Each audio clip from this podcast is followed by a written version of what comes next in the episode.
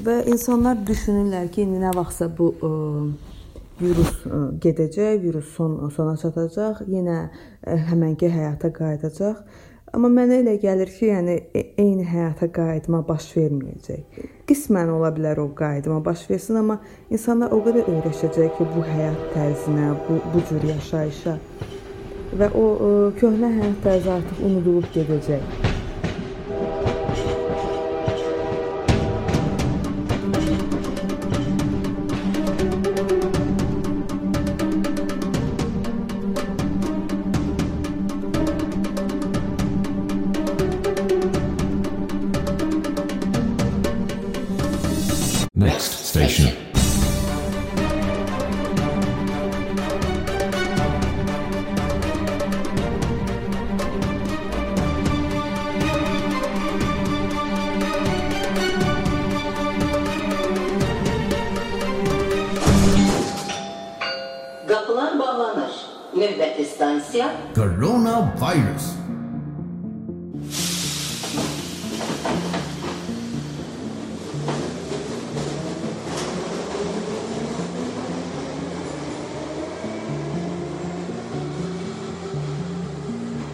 ...2019-cu ilin dekabr ayının 8-də Çinin Wuhan şəhərində qripə bənzər qəribə bir xəstəlik peyda oldu və 1-2 ay ərzində bütün dünyaya yayıldı.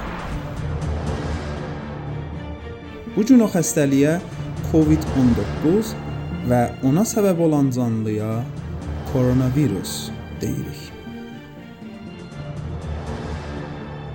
Koronavirus. Ümumiyyətlə virus nədir? Koronavirus harda yarandı? Laboratoriyada mı, yoxsa yarasalarda mı? Koronavirus bədənə daxil olduqdan sonra bədəndə nələr edir? Bəs koronanın vaksini necə? Həqiqətən bizi qoruyurmu, yoxsa siyasi bir silahdırmı? Bu epizodda belə sualların cavabını araşdırdıq. Next Station-dan hər kəsi salamlayıram. Mən Arazam və siz Next Station-ın 3-cü epizoduna qulaq asırsınız. Bu epizod 2021-ci ilin fevral ayında yayılır. Koronavirus artıq bir ildir ki, dünyamıza daxil olub və özü ilə bərabər biz insanların dünyasında və həyatında çox böyük dəyişikliklər gətirib. Biz artıq üzü açıq bir şəkildə digər insanların yanına gedə bilmirik. Bir-birimizi gördükdə əl verib qucaqlaşmaq yerinə 1 metrlik məsafədən baş işarəsi ilə salamlaşırıq. Artıq hər gün ən az 2-3 dəfə əllərimizi sabunla yuyuruq. Dərslərimizi siniflərdə deyil, iş görüşlərimizi ofislərdə deyil, evdə 4 künclü ekranda keçiririk. Gəlin birinci bu virusla tanış olaq. Gələk virusa. Virus nədir?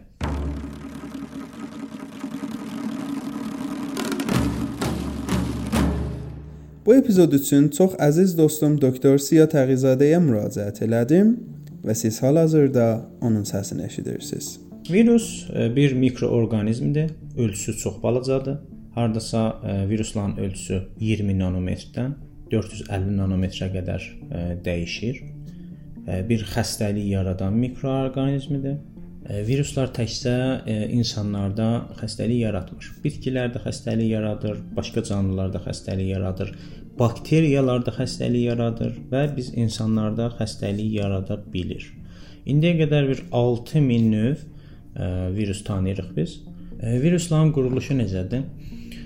Bir lent lenti təsəvvür edin. Lent şəkilli bir uzunluğu müxtəlif uzunluqlarda olur. Çox uzun deyil, insan DNA-ilə müqayisədə qısadır. Viruslar 2 növ olur. DNA, Azərbaycanda DNT deyilir, amma biz DNA deyirik. Biz ə, çalışaq elmi adları dəyişməyək. Və RNA olur. RNA. Ə, bizim bu koronavirus RNA-dır. DNA deyil. Ə, RNA ilə DNA fərqi nədir? Ə, ikisi də genetik koddur, amma RNA bir lentidir. Lenti bir dənədir. DNA 2 e, lentidir. bir-birinə belə burulur, burula burula bir-birinə birləşir. Yəni iki lent bir-birinə birləşir. Bizim bu virusun quruluşu necədir? Bir dənə RNA idi. Bunun qoruyucu təbəqəsi var. Bir dənə e, elə bil bağlı butulkanın içindədir. Amma e, nə əhatə eləyir onu? Həm protein əhatə eləyir, həm e, lipidlər də e, əhatə eləyir ki, buna kapsid deyirik, kapsid. E, bir metrəni təsəvvür eləyin. Bu e, dərzilərin metrələri var, 1 metr yarımlıq plasmas ya parça metrələr. Elə bir metrəni təsəvvür eləyin. Bu metrənin üzərində 3 dənə kodumuz var bizim. Millimetr var, santimetr var, bir də metrə var. 1 metr, 1 millimetr və 1 santimetr. Və bunlar ə, e, dəyişən olur. Məsəl ə, 5 mm olur, 10 mm olur, 8 mm olur, 10 sm olur, 20 sm olur və s. Bu genetik kodun üzərində isə eyni vəziyyətdə kodlar var. Ə, e, bu kodların adlandırılması belədir. DNA-də A, A, T, C, G. Adenin, guanin, sitozin, timin. Amma RNA-də timin yoxdur. Timin əvəzi urasil var. Yəni DNA ilə RNA-də fərqli quruluşları var.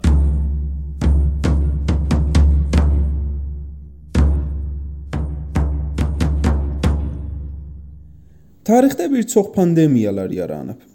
Bu pandemiyaların yaranmasına səbəb birinci başda bakteriyalar, sonra viruslar durur. Ən önəmlilərinə qısa bir işarə etsəm, lap köhnələrdən biri olan Afina vəbası var, hansı ki, eradan əvvəl 426-cı ildə Yunanistan və Spartanların arasında gedən Peloponnes müharibəsi zamanı yayıldı və 4 il davam etdi. 700 mindən 100 minə qədər insanın canını aldı. 595 il sonra, yəni 165-180-cı illər arasında Roma imperiyası ərazisində Antonin vəbası yayılıb və 5 il ərzində 5 milyon insanın canını alıb. Bu xəstəlik tam 71 il sonra təkrar alovlanıb və 15 il davam edib. Daha sonralar naməlum bir xəstəlik dünyaya 3 dəfə pandemiya törədib. Birincisi 6-cı əsrdə, ikincisi 14-cü əsrdə və üçüncüsü isə 19-cu əsrdə baş verib. Birinci pandemiya Justiniya vəbası adlanır, hansı ki Bizans tarixçisi Prokopiusun dediyinə görə 541-ci ildə Misirdən başlayaraq Şimali Afrika ölkələri, Avropa və Yaxın Şərq ölkələrinə keçib.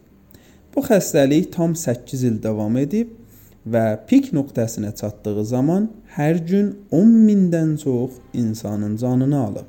Demək olar həmin vaxt yer kürəsinin əhalisinin 30%-ni öldürüb.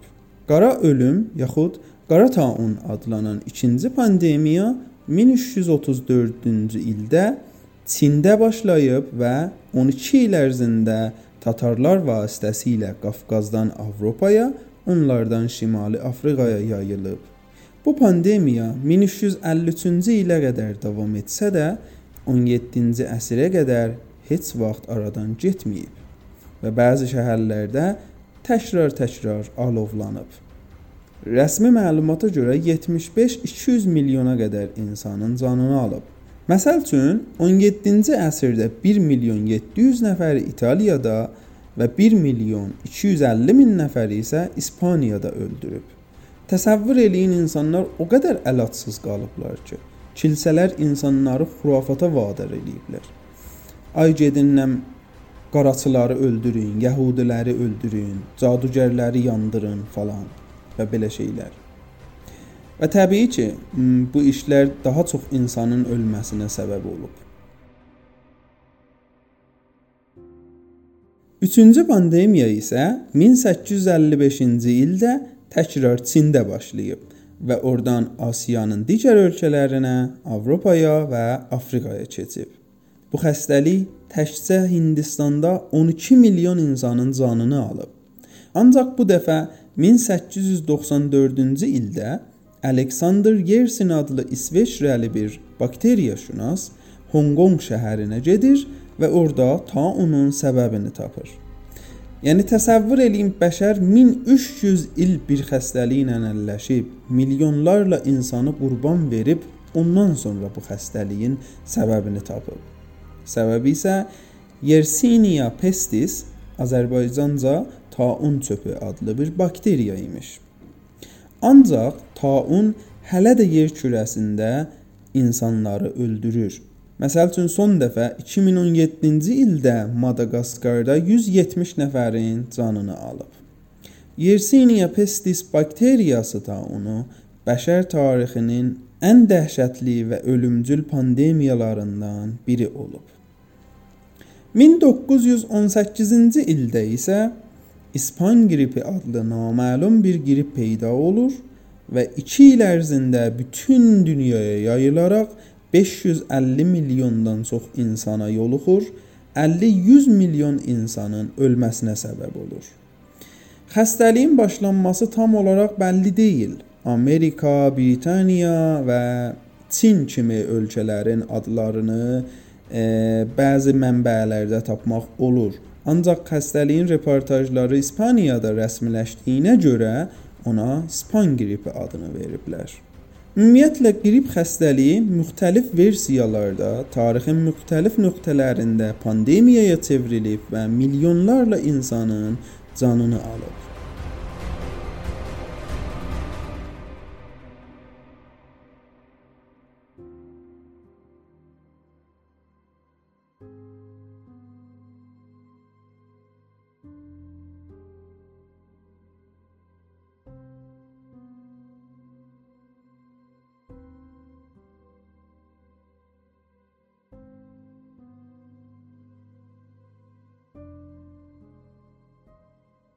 Viruslar e, orqanizmə daxil olduqdan sonra ürəyi istədiyi yerə, ürəyi istədiyi hüceyrəyə yapışıb o hüceyrəni xəstələndirə bilməz. Hər bir virusun reseptorları var üzərində. Həmin o kapsidin üzərində reseptorlar var. Reseptorlar gedir yapışır ə, e, məqsəd hüceyrəyə, hansı hüceyrə ki, ona yapışa bilir. Hüceyrəyə yapışdıqdan sonra iki yolla daxil ola bilər hüceyrənin içinə, ya ə, e, endositozla daxil olur və ya ə, e, hüceyrənin balaca-balaca deşiklərindən ə, e, daxil olub və nüvəyə daxil olduqdan sonra başlayır kodlaşma dəyişməyə. Hansı hüceyrə ki, normal protein istehsal eləyirdi, artıq başlayır virus istehsal eləməyə. Bir növ e, virus hüceyrəni hək eləyir, öz əlinə keçirir.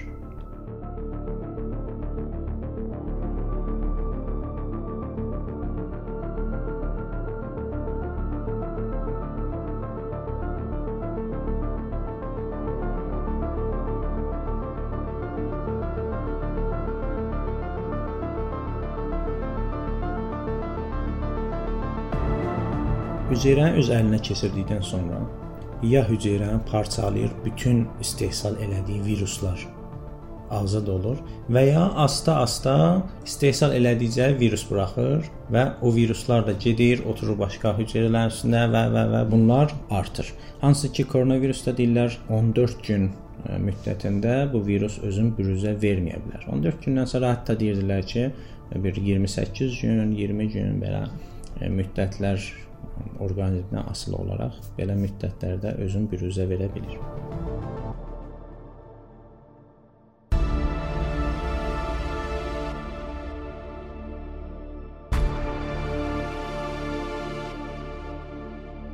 Bizim çoxlu koronaviruslarımız var. Yəni bu təkcə bu deyil.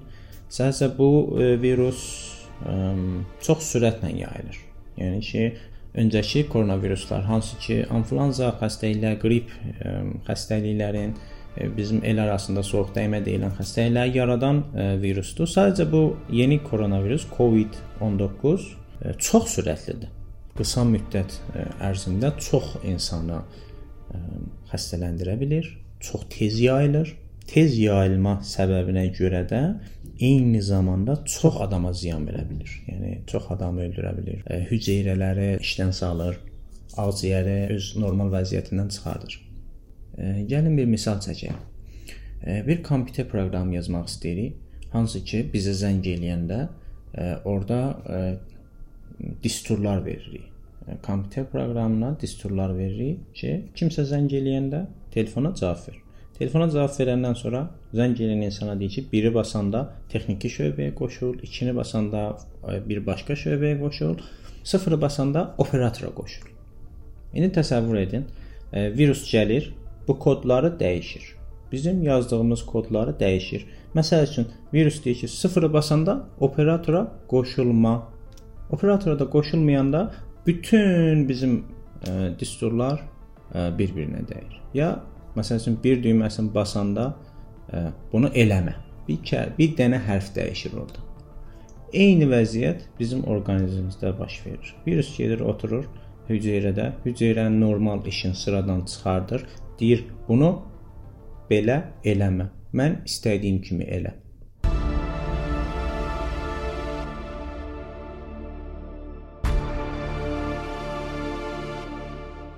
Sadə desək, virusları iki yerə bölmək olar.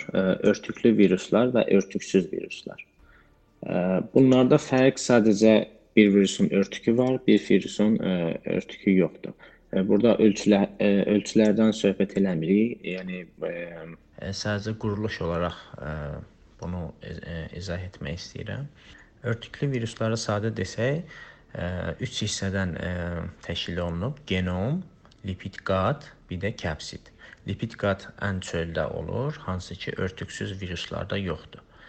Və örtüksüz viruslar genom və ə, kəpsiddən ə, təşkil olunub. Su çiçəyi virusu, parotit virusu, hepatit B, C, D virusu, quduzluq virusu, influenza virusları və ya HIV virusu. Bunlar örtüklü viruslara daxildir. Bizim koronavirus isə örtüklü virusdur.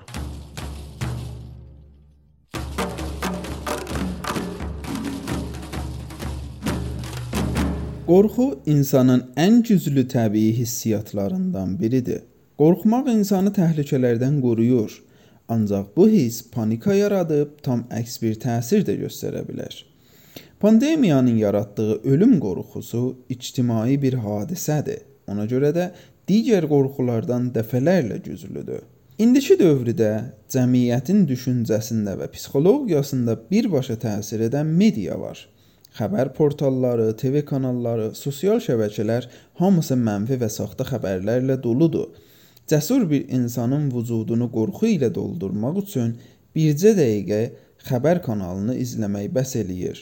İndi bu vəziyyətdə koronavirus xəstəliyinə yoluxan hər bir şəxs böyük bir çətinliklə üzləşir. İçdə ölüm qorxusu və dışda cəmiyyətin mənfi baxışı.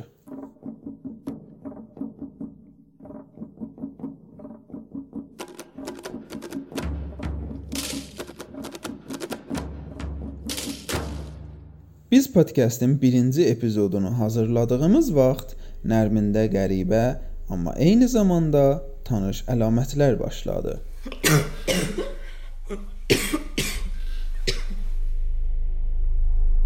Birinci dad bilmə e, və iyi bilmə hissiyatımı itirdim. Bilirdim ki, yəni ki, o xəstəliyin əlamətlərindən biridir də. Sonra ə, e, qarnım ağrımağa başladı, biraz ə, e, sümüklərimdə ağrılar hiss elədim. Qızdırmam qalxdı.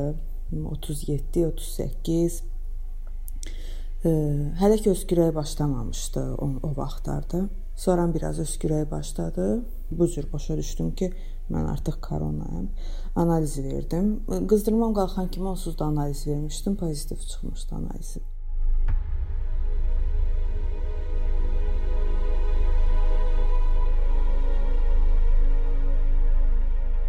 Sistemlər qoşuldu ki, bu antibiotiklər qəbul elədim, vitaminlər qəbul elədim.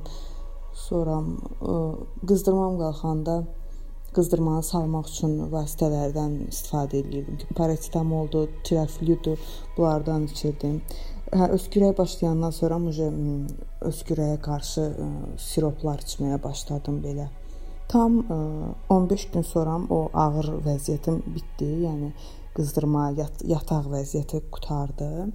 Amma 1 aya falan ancaq dad bilmə, iyi bilmə qayıtdı.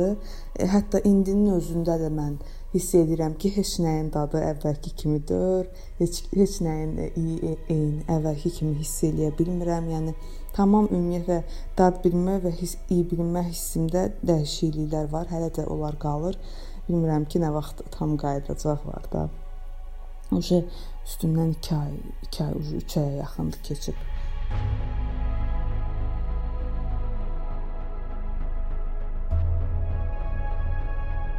COVID-19 xəstəliyinə Nərminin birinci atası və sonra digər ailə üzvləri yoluxur. O demək olar xəstələnmədən əvvəl korona ilə yaxından tanış olub. Bir korona xəstəsinin nələr yaşadığını görüb, hətta ailəsi onun xəstələnməsini gözləyib. Ona görə də o koronavirusu ilə qorxu ilə deyil, bilgi ilə üzləşib və mübarizə aparıb. Əslində çox rahat idim, çünki məndən qabaq evdə xəstələnənlər var idi deyə mən hardasa bir e, 10 günü onlara onlara baxmaqla keçirdim 10 günümü. 10 gün ərzində mən xəstələnmədim. Yəni ki, 10 gün ərzində mən gözləyirdim ki, xəstələnəcəm. O xəstə xəstəliyin yəqin ki, inkubasiya dövrünü keçirdirdim. Elə bir e, yəni qorxulu falan olmadı. Çox rahat idim. Çox şey idim, çox arxayın idim. E, belə indi də arxayınam da, e, heç qorxu eləmirəm ki, ikinci dəfə keçirdərəm ya yenə də tutaram. Yəni elə çox rahatam. Yəni onu keçirdəndən sonra çox rahat oldum. Bir də e, fikirləşdim ki, qorxmağa ehtiyac yoxdur da. Əsas odur ki, sən qorxmayasan, sən rahat olasan ki, mən sağ olacağam. Əsas beyinlə özünü sağaldmalısan ki, sonra o fiziki vücud olaraq sağalasan özünü qorxudub o həm hər dəfə o yoluxma sayına, ölüm sayına baxsan, şey eləsən, elə bil ki, immunitet daha da düşür aşağı, sən sağala bilmirsən. Elə özün öz beynin, öz fikirlərin özünü şeyə salır, dərdə salır, sağala bilmirsən. Yəni əsas odur ki, hissiyat olaraq pozitiv olasan, rahat olasan.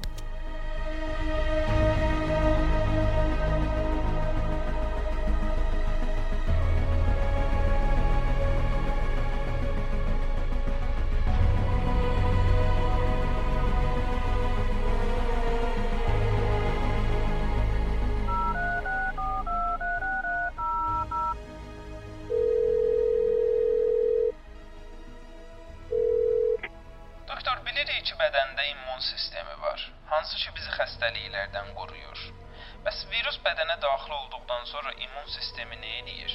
Ümumiyyətlə immun sistemi nədir və necə işləyir? İmmun sistemi çox ə, e, uzun bir mövzudur və onun haqqında saatlarla ə, e, danışmaq olar. Amma qısaca mən sizə bir immun sistemi haqqında ə, e, məlumat verə bilərəm. 4 hissədən ibarətdir immun sistemi. Birinci hissə ə, toxuma ə, makrofaqları, İkinci hissə neytrofillər, üçüncü hissə monositlər və lemfositlər. Dördüncü hissə isə sümük iliyində ağ hüceyrələrin istehsal etməyi. Hüceyrəyə hansısa xarici bir amil düşdükdə, məsələn, virusu misal çəkək, ilk öncə toxuma makrofaqları virusu, yəni virusun üzərinə gedir və onu yəni bir növdə isə yemək istəyir. Buna e, fagositoz deyirik. İkinci sonra neytrofillər gəlir, çünki makrofaqların e, sayı asta-asta azalır. E, neytrofillər gəlir. E, neytrofillər də eyni fagositoz işini görür.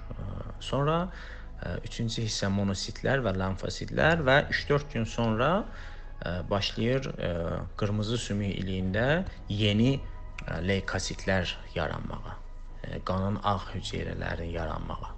Yəni buna qədər bizim ə, ilk o 3 etaplarla dediyimiz gərək ya virusa qalib gəlsin, qalib gələ bilmirsə, ə, yəni say artır, onların sayı artır və ə, nəhayət ya virus qalib gəlir və ya ə, insan bədəni qalib gəlir.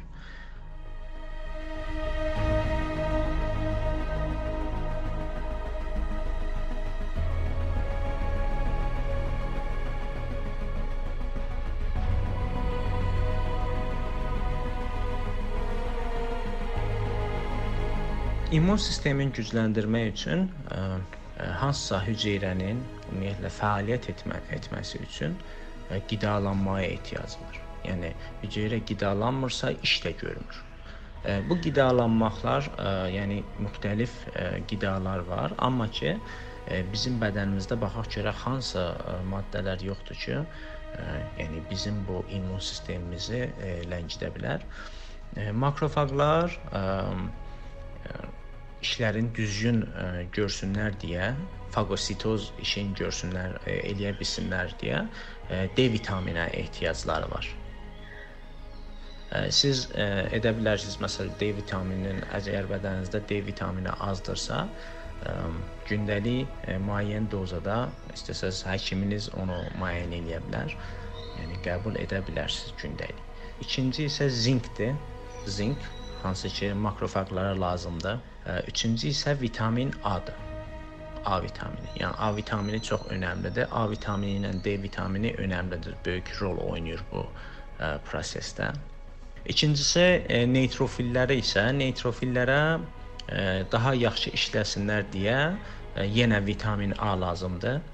E, sonra vitamin C lazımdır, C vitamini. E, bir də ə, şəkər az istifadə olunmalıdır. Əgər virus bədənə daxil olubsa və ya ə, siz o viruslu mühitdəsinizsə, əgər siz çox şəkər qəbul edirsinizsə, sizin neytrofilləriniz ə, yəni zəif işləyəcək. Üçüncüsü isə ə, monositlər və limfositlər ki, onların da D vitamininə ehtiyacı var, hətta A vitamininə də ehtiyacları var. Ə, dördüncü hissə isə ə, bayaq dedik qırmızı ə, sümük iliyində yaranan yeni leykozitlər Bunlar A vitamininə ehtiyacları var. Yəni ki, A vitamini olsa daha sürətlənir bu proses. İkinci isə Y vitamini, üçüncü isə və ən önəmlisi B6 vitamini. Bunları dozaların, yəni siz gedib araşdırıb baxa bilərsiniz ki, hansı dozalarda sizə uyğun dozalar hansılardır və ya həkimə müraciət edib həkimdən yəni öz bədəninizə uyğun dozanı ə, təyin etdirə bilərsiniz.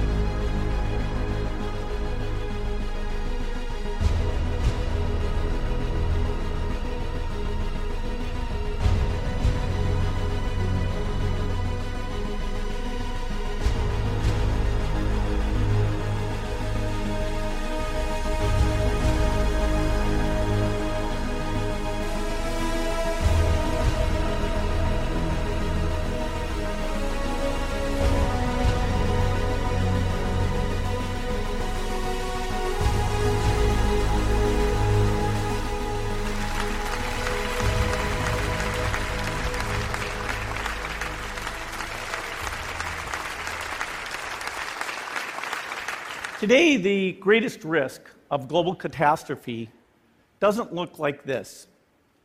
Instead, it looks like this. If anything kills over 10 million people in the next few decades, it's most likely to be a highly infectious virus rather than a war. Not missiles, but microbes. Now, part of the reason for this is that we have invested a huge amount in nuclear deterrence. But we've actually invested very little in a system to stop an epidemic. We're not ready for the next epidemic.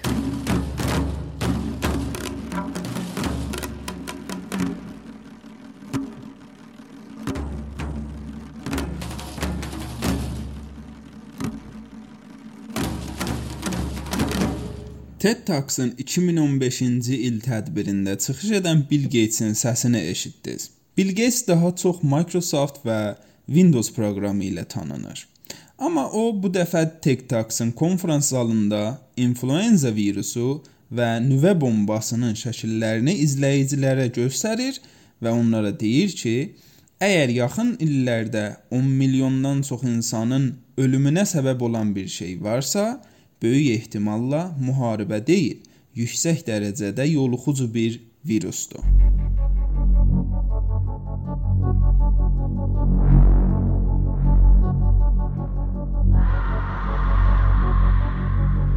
Pandemiyanın yaranmasına bir çoxlu ssenari var. Onlardan biri virusun laboratoriyada törənməsidir. Pandemiyadan sonra Gatesin TED Talks-da çıxışı bir çoxlarının diqqətini cəlb etdi. O, söhbətinin davamında deyir ki, bizim epidemiyaya qarşı sistemimiz yoxdur və bu səbəbdən növbəti pandemiyaya hazır deyilik. Nəzərinizə çatdırım ki, Bill Gates proqramist və biznes maqnatidir. İndi ağlımızda belə bir sual yaranır ki, necə olur bir proqramist virusdan, pandemiyadan, sağlamlıqdan danışır və sonra da qayıdıb məsələnin həlli üçün yollar təklif edir. O həqiqətən dünyaya uyarı mı etdi, yoxsa yeni ideyası üçün marketinq mi etdi?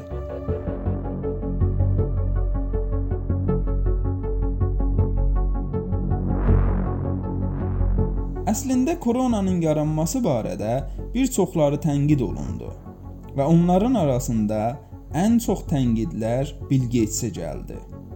Ona görə də gəlin Bill Gates-in karyerasına bir göz ataq.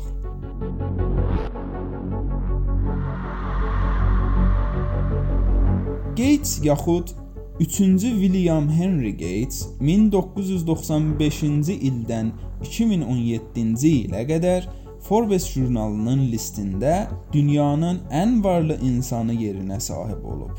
O 1975-ci ildə məktəb dostu Paul Allen ilə Microsoft şirkətini qurur və 10 il ərzində ilk Windows proqramını bazara buraxır. Beləliklə Gates 1 milyonerə çevrilir. Gates texnologiya biznesi ilə yanaşı bir çox sənayelərdə də investasiya edib. Onlardan Berkshire Hathaway Holdingi daxil olmaqla sığorta, hava və dəmir yolları, qida, geyim və daşınmaz əmlak kimi sənayelerini adlandırmaq olar. Gates 2000-ci ildə həyat yoldaşı Melinda ilə The Gates Foundation-ı yaradır. Bu fond işə başladığı vaxtdan etibarən səhiyyə sayəsində böyük fəaliyyətlər eləyib. Məsəl üçün 2009-2015-ci illər arası 5586 milyon dollar yoluxucu xəstəliklərə nəzarət adlı bir sektora investasiya ediblər. Yaxud malariya xəstəliyinin kontrolu üçün 1400 milyon dollar investasiya olunub. Yaxud Ebola yarandığı vaxt Afrikada böyük investasiya edərək virusun gedişatına birbaşa nəzarət ediblər. Yəni məsələyə belə də yanaşmaq olar ki, Bill Gates koronavirusu üçün əməlli başlı praktika toplayıb. Və daha maraqlı bir məqam odur ki, Dünya Səhiyyə Təşkilatının hal-hazırda ən böyük hamisi Gates fondudur. Sizə xatırladım ki, koronaya qədər bu təşkilatın büdcəsini Amerika dövləti təmin eləyirdi. Ancaq prezident Trump gəlib təşkilatın fəaliyyətini dünya xalqının ziddinə olduğunu bildirdi və eləcə büdcənin qarşısını aldı. 2017-ci ilin yanvar ayında, yəni Bill Gatesin TED Talks-da etdiyi çıxışdan tam 22 ay sonra The Gates Fondu dünyaya yeni bir proyekt təqdim elədi. Epidemik hazırlığı yenilikləri koalisiyası. Bu proyektin başlanğıcı 2015-ci ilin iyul ayında The New England Journal of Medicine jurnalında yayılan bir məqaləyə qayıdır. Məqalənin adı belədir: Establishing a Global Vaccine Development Fund. Məqalənin əsas konsepti epidemik virusların qarşısını almaq üçün vaksin istehsalı haqqındadır. Adı gedən proyekt üçün The Gates fondu başlanğıcda 460 milyon dollar investa cəlb eləyib və hal-hazırda Həmin proyekt dünyanın ən yenicil və ən böyük vaksin istehsalçılarından biridir. Biznes baxımından bir sahəyə investasiya edilirsə, onun neçə qat gəliri əldə olunur, ən azından gözlənilir. Gates özü bu barədə deyir ki, fondumuzun gəliri səhiyyə sahəsində təkrar deyirəm, səhiyyə sahəsində 20 qat inkişaf eləyib. Global Market Insight saytının açıqladığı statikaya görə qlobal vaksin bazarı 2019-cu ildən 2026-cı ilə qədər 42 milyard dollardan 81,5 milyard dollara inkişaf eləyəcək. Hələ bu statistika yalnız vaksin bazarına aiddir. Eyni zamanda insanların gündəlik istifadə elədiyi bir çox məhsul var. Yuyucu maddələr, alkol, maska və dərmanlar kimi məhsullar var. Hələ karantin zamanı olunan cərimələri nəzərə almıram. Bu statistikalar onu göstərir ki, virus hardan gəlir gəlsin. Ancaq onun gəlişi çox böyük bir bazar yaradıb və o bazara ancaq və ancaq multimilyarderlərin əli çata bilər.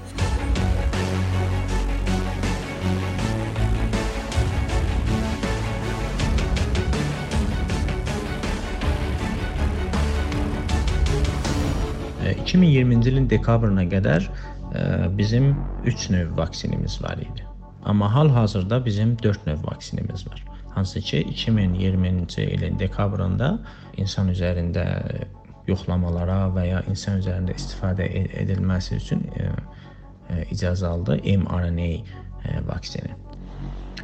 Bu bir digər 3 vaksinimiz zəifləşdirilmiş aktiv viruslardır hansı ki, onları həmən virusu hansısa canlını o virusla yoluxdururlar.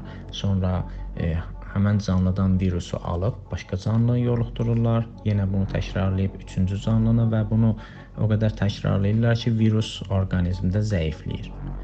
Virus zəiflədikdən sonra onu alıb ə, vaksin şəklində ə, insanlara və ya digər canlılarda istifadə edirlər.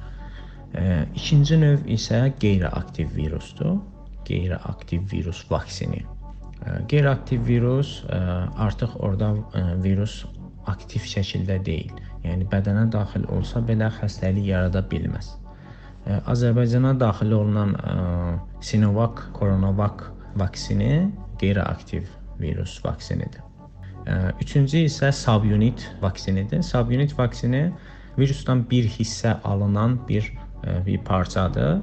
Virusun reseptorları kimi bir şey ki, hansı ki onunla o da yeni bir vaksindir, yeni bir texnologiyadır, amma yəni çox cavab vermir. Yəni bir neçə ildir yoxlayırlar, o çox cavab vermir.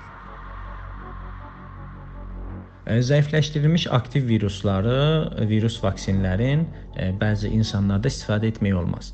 Məsəl üçün immun sistemi xəstələrdə istifadə etmək olmaz, yaşlılarda istifadə etmək risklidir və biz bu vaksindən məqsədimiz budur ki, həm immun sistemi zəif olan insanlara, e, yəni yardım eləyək, həm də ki, e, yaşlıları, e, yəni bu xəstəliyə, xəstəliyin qarşısında qoruyaq. E, ona görə də zəifləşdirilmiş aktiv virus vaksini bizə yaramır.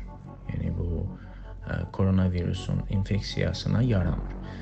E, burada qalır qeyri-aktiv virus vaksini və subunit vaksini və e, Amerikalıların kəşf etdiyi yeni texnologiya mRNA vaksini.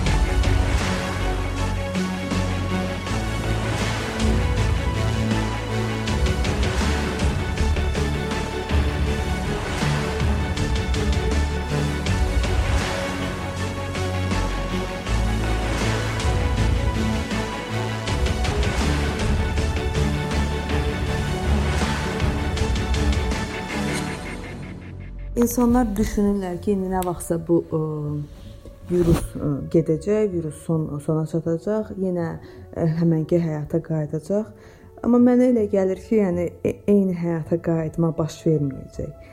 Ola bilər, yəni qismən ola bilər o qayıtma baş versin, amma insanlar o qədər öyrəşəcək ki, bu həyat tərzinə, bu bu cür yaşayışa və o ə, köhnə həyat tərzi artıq unudulub gedəcək. Yəni koronanın bizdən aldığı, ə, e, nələrin aldığına baxsaq, bizdən öz kimliyimizi, öz mənliyimizi, öz ə, e, adətimizi, milliyyətimizi hər bir tərəfdən hər şeyi, yəni ki, ə, e, hər şeyi alıb. Bizə verdiyi isə ondan ibarətdir ki, yeni ə, yeni qanunlar, yeni həyat, sərhədli və çərçivəli həyat ə, istənilən halda yeni vahid mədəniyyət Yəqin ki, əmələ gələcək, vahid inanc sistemi əmələ gələcək. Bu bilinmir nə vaxt olacaq. Yəni nə vaxt ki, həqiqətən də onlar görəcəklər, insanlar hazırdılar bunu e, icra eləməyə və e, o zaman yəni bunlar baş verəcək. Hal-hazırda sadəcə olaraq yəni e, test bir sınaq mərhələsini keçirdir insanlar.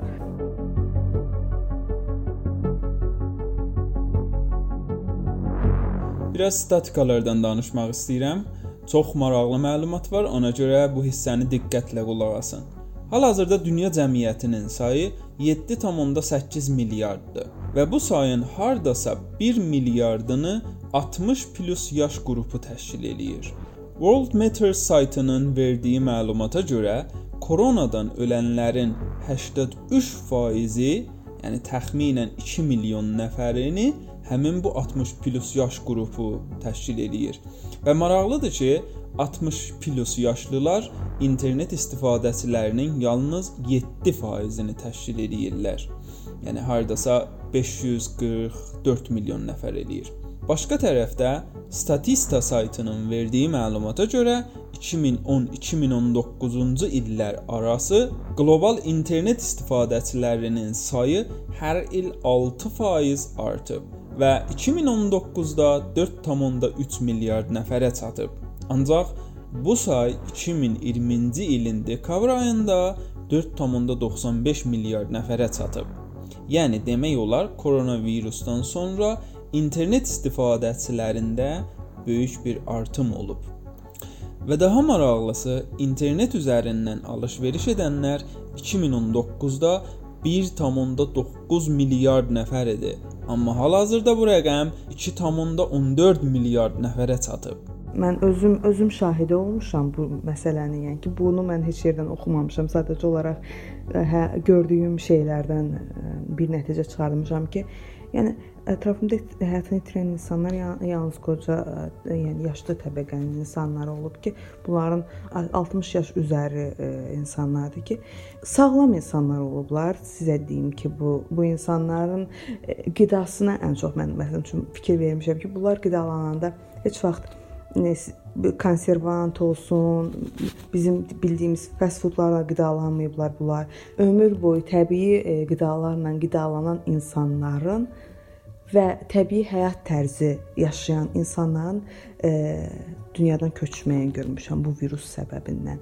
Və onların, yəni hə, e, həyat tərzinə də yenə də fikir verəndə görmüşəm ki, onlar daha smartfon belə işlətmirlər də, yəni adi bir telefon işlədirdilər onlar özləri. Yəni bu insanlar nə pis e, qidala qidalanmayıblar ki, deyim pis qidala qidalanıblar, immunitetləri zəifdir, bədənləri zəifdir, bu virusa yoxdurlar.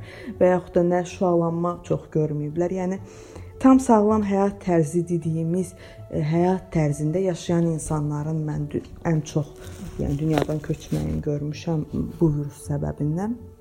Məsələn üçün onlardan birini desəm bir e, ginekoloq tanıyırdım o onun dünyadan köçməyi məni, yəni bu e, koronanın səbəbindən məni yəni şok oldum ki, necə yəni bu cür sağlam insan, bu cür özünə fikir verən insan e, hər bir halda bu necə heç olmasa sağalardı da, heç olmasa sağalardı. Amma sağalma da olmadı onda. Yəni çox qeyri-adi bir haldır ki, bu biri e, toplumu da e, deyim sizə Bunlarda bu birlər deyilsə, bunların qidalanmağı, yəni bildiyin hər gün konservatlarla, hər gün fast foodlarla qidalanan insanlar olublar. Hə, həmin insanları da, yəni deyim də e, bir 40-50 e, yaşında yaş e, yaşlı insanlardır ki, məsələn bizim elə gördüyümüz küçədəki bomjlar olsun, alkaş adamlar olsun, yəni bunlar bunlar tutulmurlar bu virusa və bunların Yəni bunların arasında mən ölüm faktını görməmişəm bu insanların. Hansı ki, bunlar e, qeyri-normal həyat tərzi yaşayırlar. Və yaxud da orta dərəcədə də məsələn üçün bizim indi cavanlarda da cavanlar fast food yeyirlər, e, yenə də onlar da kola içirlər, nə bilim, fanta içirlər. Ki hansı ki, bunlar həmişə bizə təbliğ olunub ki, bunlar pisdirlər və bunları e, yeyəndə insan orqanizmi pis günə qalır və virusa virusa yoluxma immunitet düşür. Yəni bunlar çox qeyri-adi hallardır ki, mən görüb məətəl qalıram ki, yəni nə demək istəyirlər ki, nə məsələdir ki, yəni bu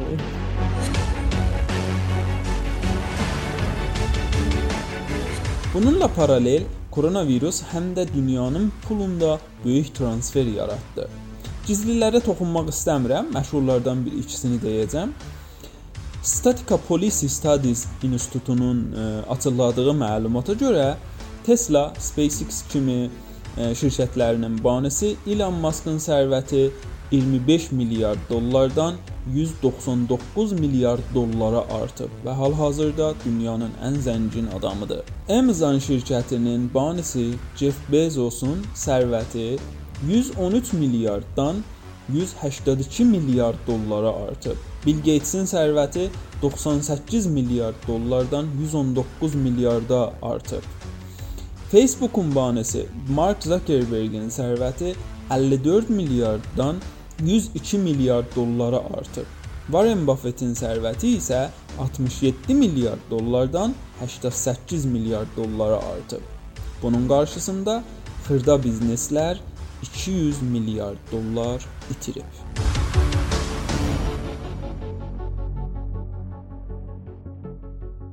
koronavirusu vaxtında xalqın, hər bir xalqın öz ə, dövlətinə ehtiyacı oldu. Yəni dövlətin qoyduğu qayda qanunlara olsun, dövlətin verəcəyi qərarlara müşahidə edirdilər insanlar və dövlətə həqiqətən də ehtiyacları oldu, çünki onlar xəstələnəndə dövlət onları, yəni dövlət onların bütün xərclərini qarşılayırdı. Yəni xalq xalqların dövlətlərə ehtiyacı olan bir dönəmə gəldik, çatdıq və burada bir məsələ var ki, bu vəziyyəti hansı siyasi liderlər yaxşı idarə elədi, hansı siyasi liderlər isə yaxşı idarə eləmədi.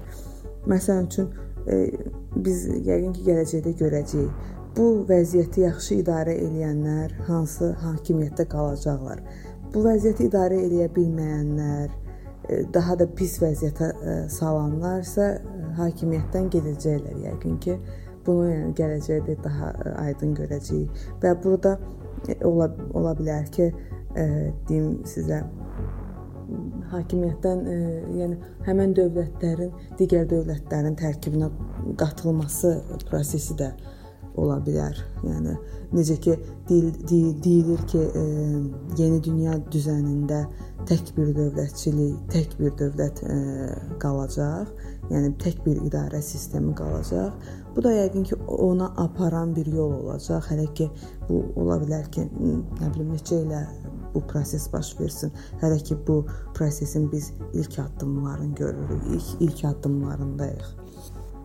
Yəni nə qədər ki istənilən e, dünya sistemi qurulmayıb, koronavirus olsun, digər başqa e, məsələlər, problemlər o, yəni gedəcək və e, ən sonda hansı ki o vəziyyətə gətirib insanları salacaqlar ki, yəni o insanlar ə, artıq özləri qəbul edəcəklər ki, Yəni nə edirsən elə bircə sağ qalım da. Yəni məsələ bu o, bura gedib çıxacaq. İnsanlar sağ qalmaqdan ötürü vuruşacaqlar. Elə bizim özümüz də SMS yazıb çölə çıxırıq. Necədir? Müşahidə çox artıb. Dövlət tərəfindən hər bir insanın nə etdiyini dövlət bilir artıq. Yəni məsələ də o o yerə gəlib çıxacaq ki, yəni bizim nə etdiyimizi bütün dünya biləcək. Hər bir insanın nə işlə məşğul olduğunu bütün dünya biləcək. Burada ə, e, yəni vaksinləri də indi çıxardıblar. Bəzi vaksinlər var, bəziləri inanır, bəziləri inanmır. Elə bu vaksinlərin özünü də pulla satırlar bizə, hansı ki, yenə də kapitalizmin hansısa bir oyunun bir içindəyik. Görək də indi gələcək bizə nə göstərəcək bu virus virus haqqında. Hələ ki vəziyyət elə də ürək açan deyil. İcazə verək elə bu virus yayılsın kimlər qalır, kimlər qalmır, onu da yəni bəlirləsinlər. İnsanlara çox əziyyət verməsinlər. Yəni bu bizim psixologiyamıza da təsir eləyir, bizim e, yəni fiziki vəziyyətimizə də təsir eləyir. Doğrudan da yəni vəziyyət o qədər də yaxşı ürək açan deyil. E, bütün günü məsələn evdə otur, hər şey onlayn idarəçilik bu Yəni insanlara çox da yaxşı təsir eləmir. İnsanların əsas ruhu vəziyyətinə yaxşı təsir eləmir. Yəni insanların ruhları ölür, psixologiyaları pis vəziyyətə qalır.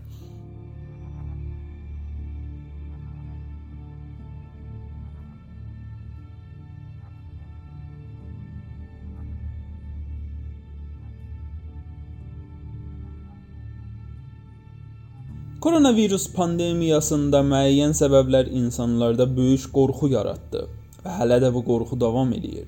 Daha öncə qeyd etdiyim kimi, bu pandemiyanın qorxusu ictimai miqyasda olduğu üçün başqa qorxulardan daha güclüdür. Davamda insanı öldürən müxtəlif səbəblərə toxunmaq istəyirəm. Bu hissəni daha diqqətli qulaq asın. İlk öncə ümum dünya ölüm sayını xatırlayaq. 1950-ci ildə dünya cəmiyyətinin 20% ölüb.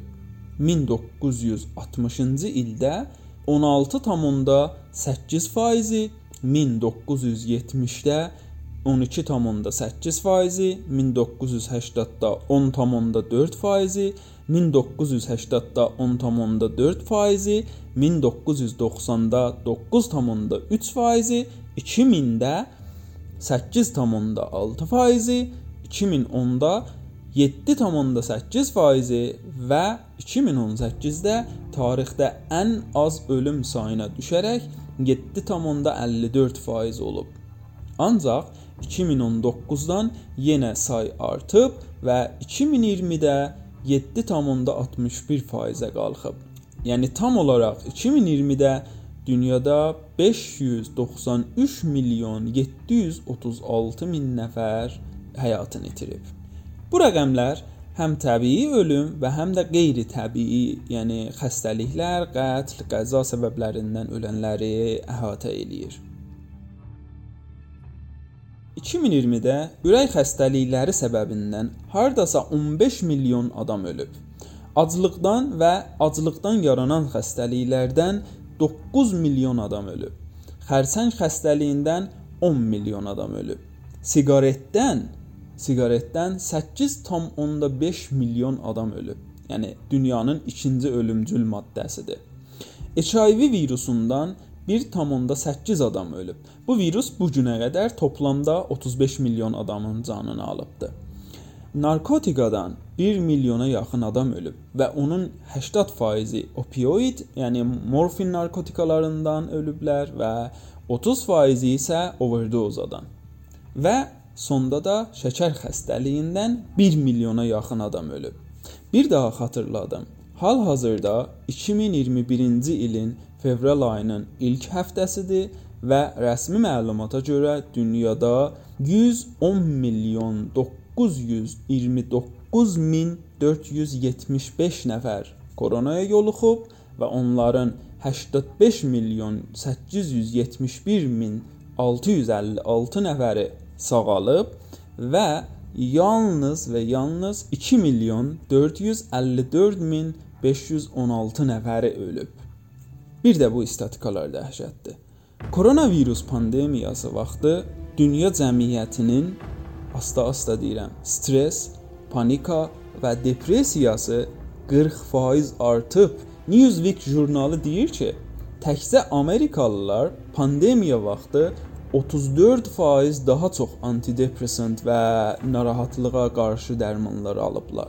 12% daha çox yuxusuzluğa qarşı dərmanlar alıblar və bu dövrdə intihar 5% daha çoxalıb. İndi siz qərar verin. Adını çəkdiyim ölüm səbəblərində hansı daha çox qorxuludur?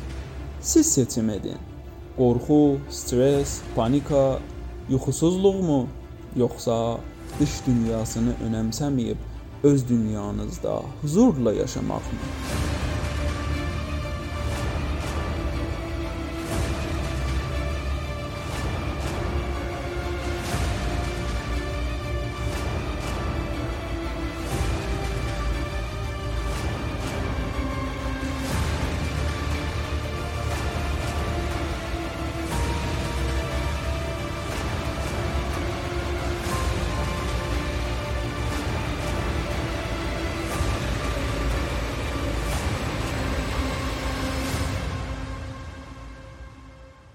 Next Station-ın 3-cü epizodunu eşitdiniz əziz dinləyicilər. Next Station-a qulaq asmaq ödənişsizdir və həmişə də ödənişsiz qalacaq. Əgər bizə dəstək olmaq istəyirsinizsə, sadəcə podkastın linkini dostlarınıza göndərin və onlara qulaq asmağı təklif eləyin. Podkast boş vaxtları zəngin şəkildə doldurmaq üçün çox əla fürsətdir. Podkast applərində bir çox podkastlar var. Onları dinləməyi sizə təklif eləyirəm. Ümid eləyirəm burada eşitdiyiniz söhbətlər sizin üçün maraqlı və faydalı oldu. Fikrinizi mütləq bizimlə bölüşün. Elə bu epizodu eşitdiyiniz yerdə komment yaza bilərsiniz. Eyni zamanda da sosial şəbəkələrdə də bizi izləyin.